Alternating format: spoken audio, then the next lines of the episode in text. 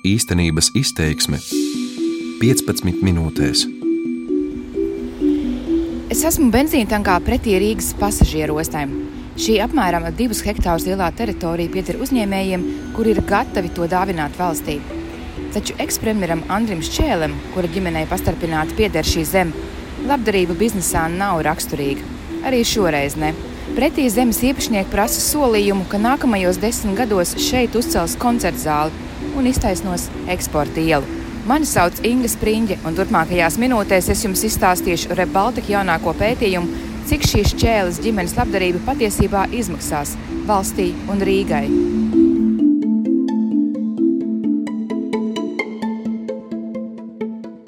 Pirms runāt par koncertu zāli, mums būtu jāatkāpjas pagātnē un jāatceras, kā šķēles ģimene pie šīs zemes tika. Tādai studijā kopā ar mani ir Baltika redaktora un mana kolēģa Sanita Jamberga. Labdien! Mēs toreiz strādājām avīzē Diena. Sanita pētīja šķēles un šlesera slēptos biznesa ostā, bet es vērtīgo brīvos zemi privatizāciju. Sanita, atceries, kāds notika? Runa ir par gandrīz 100 hektāriem zemju Andreja salā un eksportostā. Zeme piederēja Rīgas brīvostai, to nedrīkstēja pārdot, bet to drīkstēja iznomāt. Nebija nekāda konkursa, vajadzēja tikai iesniegt biznesa plānu, un brīvosts valde izlēma, kam piešķirt, kam ne. Un es atceros, bija uzņēmums, kas bija iesniedzis biznesa plānu uz tieši vienas A4 lapas un piešķīra. Jā, es arī atceros uzņēmumu. Un tas viss bija iespējams, jo ostas pārvaldnieks tobrīd bija odiozais Leonijas Loginovs. Un ar viņu varēja sarunāt visi, kam bija sakari un ietekme. Un šķēlēm, kā divkāršam ekspremjeram, tas viss bija. Un arī viņa tagadējam biznesa partnerim Aināram Šleseram arī. Es domāju, ka normāls cilvēks šajā brīdī jautā, kāds sakars Šleseram? Ļoti konkrēts, jo ir konkrēts piemērs, kas rāda abu par tā sauktiem oligarhiem dēvēto ietekmi. Un tas ir veids, kā brīvos zeme nonāca nomnieku īpašumā.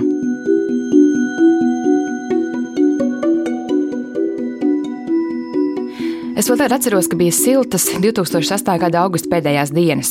Man piezvanīja avots un teica, ka nākamajā dienā valdība neplānoti lems par Rīgas brīvos robežu maiņu. Tas nozīmē, ka daudzas iznomātās zemes izslēgs no ostas, un līdz ar to nomnieki tās varēs priedzēt par certifikātiem. Tātad iegūt daudz lētāk. Šo jautājumu pēkšņi valdības dienas kārtībā bija ielicis Šlesera partijas biedrs, toreiz satiksmes ministrs Krišjāns Peters. Valdība tobrīd valdīja Šķēles tautas partijas premjeras Aigars Kalvītis. Un galvenais, ka to visu vajadzēja izdarīt ļoti ātri, jo jau pēc dažām dienām beidzās likumā noteiktais termiņš, kad varēja iesniegt pieteikumu zemes privatizācijai.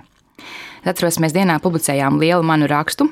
Pēters pateica, ka neesot tā domājis, un osas zemes nevarēšot privatizēt. Un tagad, veicot pētījumu, es atklāju, ka viņi mūs piemuļķoja. Jo likumā tika atstāts caurums, un nomnieka zemi tomēr varēja daļai privatizēt par certifikātiem. Nu, un kam izdevās?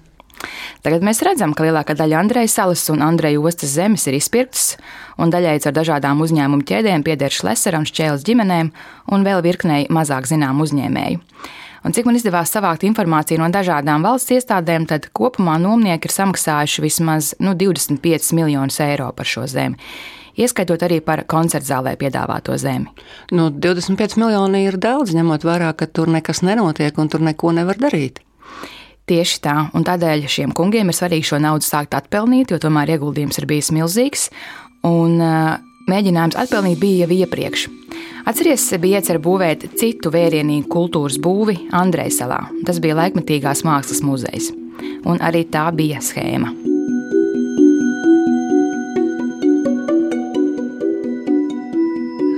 Tātad atgādina, kā virzīja laikmatīgās mākslas muzeja projektu. 2000. gada sākumā Enārs Lesers uz Rīgu atveda kādu norvēģu uzņēmēju, ar kuru Rīgas brīvosta izlēma veidot uzņēmumu. Tas saucās Jaunrīgas attīstības uzņēmums. Atkal bez jebkāda konkursa. Šī jaunā uzņēmuma mērķis bija attīstīt Andrejas salu un atbrīvot pilsētu no ostas darbības. Tā toreiz arī ļoti lepni Latvijas televīzijai skaidroja tā brīža ostas pārvaldnieks Leonīds Loginovs. Kravas pārkrošana no pilsētas centra tiek izstumta ārā vispār, tīri filozofiski. Nemaz nerunājot par to, vai tur vajadzētu celt tagad oficiālus centrus, izklaides centrus vai dzīvojamus rajonus, ja kā nu, daudzās Skandināvijas valstīs un ostās tas notiek. Bet vispār tāpēc, lai varētu pilsētas centru saglabāt tīru, veselīgu, ja bez trokšņiem. Dažus gadus vēlāk jau tiek paziņots, ka Andrejs salā būvēs laikmetīgās mākslas muzeju. Ideja bija šķēles līdzgaitniece kultūras ministre Helēna Demakova. Bet atnāk krīze un ideja nomirst, jo nav naudas. Taču šķēlis un šlēs ar ģimenes tukšā nepalika. Andrēsels attīstītājs iesūdzēja tiesā valsti un vinnēja 650 tūkstošu eiro kompensāciju par savu iztērēto naudu. Es satikos ar kultūras ministrijas nolangoto advokātu Lauru Leju, kurš atzīst, ka starp valsti un Andrejas salas attīstītājiem noslēgtais līgums bija vienos vārtos par sliktu valstī. Jautājums nezinu, kas sastādīja vienošanos numur 4, kāpēc tieši tā, tādas informācijas nav atrodamas. Nu jā, un neizdevīgo līgumu tobrīd slēdz toreizējais kultūras būvju aģentūras direktors Zigorts Magoni. Viņš, diemžēl, ir miris, un tādēļ neko sīkāk mums paskaidrot par šo līgumu nevar. Tātad no tava pētījuma izriet, ka šobrīd pēc būtības Štēles ģimene piedāvā to pašu schēmu, kas bija laikmatīgās mākslas muzeja celtniecībā, proti mēs jums, valstī vai pašvaldībai, dāvinām zemi, jūs apņematies, ka tur uzcels koncerta zāli, kura ir vajadzīga, lai attīstītu kānkurus, kā nu, biznesus, kas tur visi apkārt ir viesnīcas un visas pārējās zemes, kas stāv neizmantotas. Tieši tā. Plus viņiem vajag, lai Rīgas pašvaldība izbūvē teritorijas infrastruktūru, kā to paredz detaļplānojums. Jo turpat blakus cits šķēles ģimenei daļēji piederošs uzņēmums jau ir saņēmis būvatļaujas divu viesnīcu un vienas birojāks celtniecībai. Bet, lai to izdarītu, ir jāpārceļ eksporta iela, lai atbrīvojas vieta pie Daugavas. Un šī teritorijas pārbūve varētu izmaksāt līdz pat 23 miljoniem eiro, ja tur, piemēram, izbūvē arī ieplānoto tramvaju. Un tātad šajā gadījumā sanāk, ka šķēles ģimenei ir izdevīgi atdot valstī zemi, kas pašiem izmaksāja pāris miljonus eiro, jo pretī viņi varēs dabūt labi iekārtot teritoriju, kas ir vērta vismaz desmit reizes vairāk nekā tā zeme, ko viņi uzdāvina.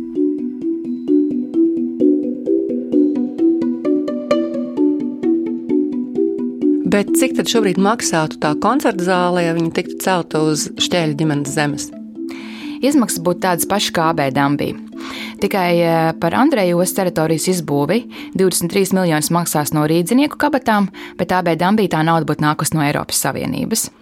Un šajos mēnešos visvairāk kā runāja ar bijušo kultūras ministru Dārzu Melbārdi, un pēc būtības viņa atzīst, ka mēs esam ķilnieku lomā, jo centrā vienkārši brīvi zemju ir maz. Nu, ziniet, kas man liekas ir ļoti nepareizi, tas, ka nu, visas šīs labās vietas ir nonākušas šādās rokās, un mēs kaut kādā mērā kā sabiedrība esam ķilnieki.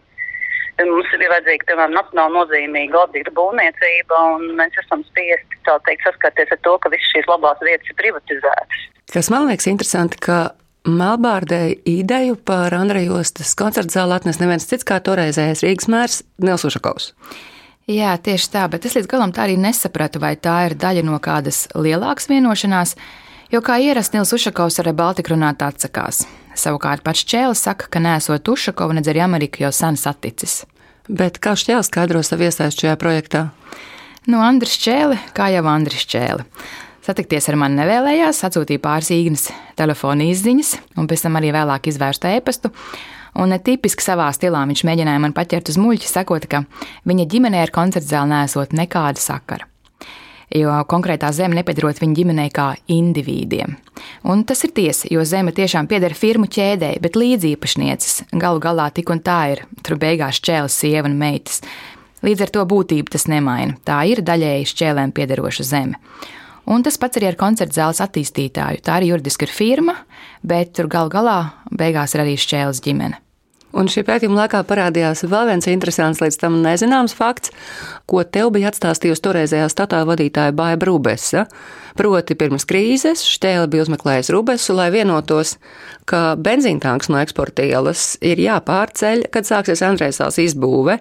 Un kā ļoti bieži Andrēs Štēles biznesos, viņš stādījās priekšā kā konsultants, kurš palīdz Rīgas pasažieru terminālim, kam šobrīd pieder zeme, ko piedāvā koncertzālē. Šķēle mums piedāvāja darījumu, kurā mēs varētu iemainīt šo vietu pret kādu citu, par ko mēs arī vienojamies. Vienojamies pat par vietu Andreja ostā, pieņemot to, ka tas eh, rajons attīstīsies.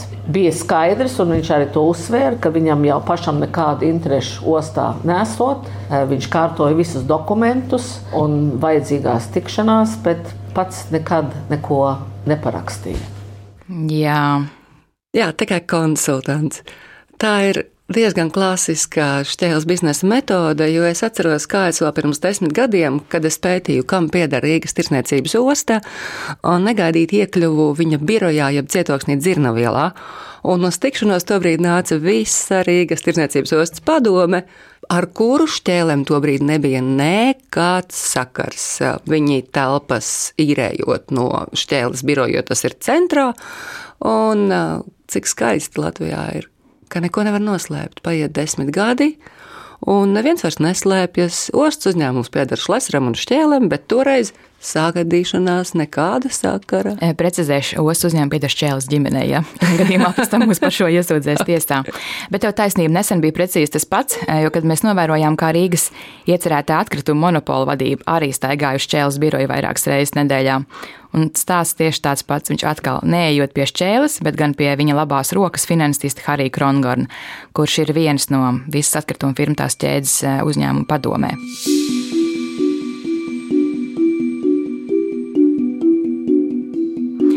Un tagad ir jāsacina, ka ir izaugusi vesela paudze, kam šķēles vārds vispār neko neizsaka. Bet viņš tepat vien ir, gan tajos pašos Rīgas ceļu būvniecības konkursos kopā ar Gunteru Rāvi un būvniecības firmu Rodex, gan Liepājas vēja parkos ar Oiku un daudz kur citur. Bet dienas jautājums koncerta zāle būs vai nebūs? Hmm. Varbūt būs pat pēc daudziem gadiem, jo tagad jaunais kultūras ministrs Nauris Puntulis atkal visu sāk no jauna, izsludina konkursu jaunas koncertzāles vietas meklēšanai un grib arī, lai šo koncertzāli būvē privātais par savu naudu. Tas reāli nozīmē, ka valsts kaut kādu laiku pēc tam šo koncertzāli izīrēs no šī privātā. Un šķēļu ģimenei šobrīd ir nevisai slikts starts, jo zeme viņiem jau ir. Viņi ir sarunājuši arī kādu franču būvnieku kompāniju, kas varētu būvēt šo koncertu zāli. Un arhitekts Andris Sīlis savu skici jau ir pat pārcēlis no abē dāmas jau šķēles ģimenes daļai piederošās zemes. Es runāju ar ministru Puntulu, viņš redz, ka tur varētu būt kāda problēma, ka šī zeme pieder šķēļu ģimenei, bet, nu, kā es saprotu, tad nē, viņam problēmas ar to nav. Es arī saprotu sabiedrības bāžas par kādu darījumu ar cilvēkiem, kam pieder šīs konkrētās zemes platības. Jā, nu, tas vienmēr varētu būt risks, bet tāpat laikā tikai tādēļ izslēgt šo konkrēto no visa mūsu konkursa, un es arī neredzu īsti pamata. Jā. Un, kā es vienmēr esmu uzsvērs, tas ir juridisks jautājums, tas ir juristi jautājums. Šo raidījumu sagatavoja Rebaltika žurnālisti Inga Spriņģa un Sanita Jamberga speciāli Latvijas rādio. Vairāk par šķēļu un šlesera ģimenes biznesiem lasiet LSMLV un mūsu mājaslapā Rebaltika LV.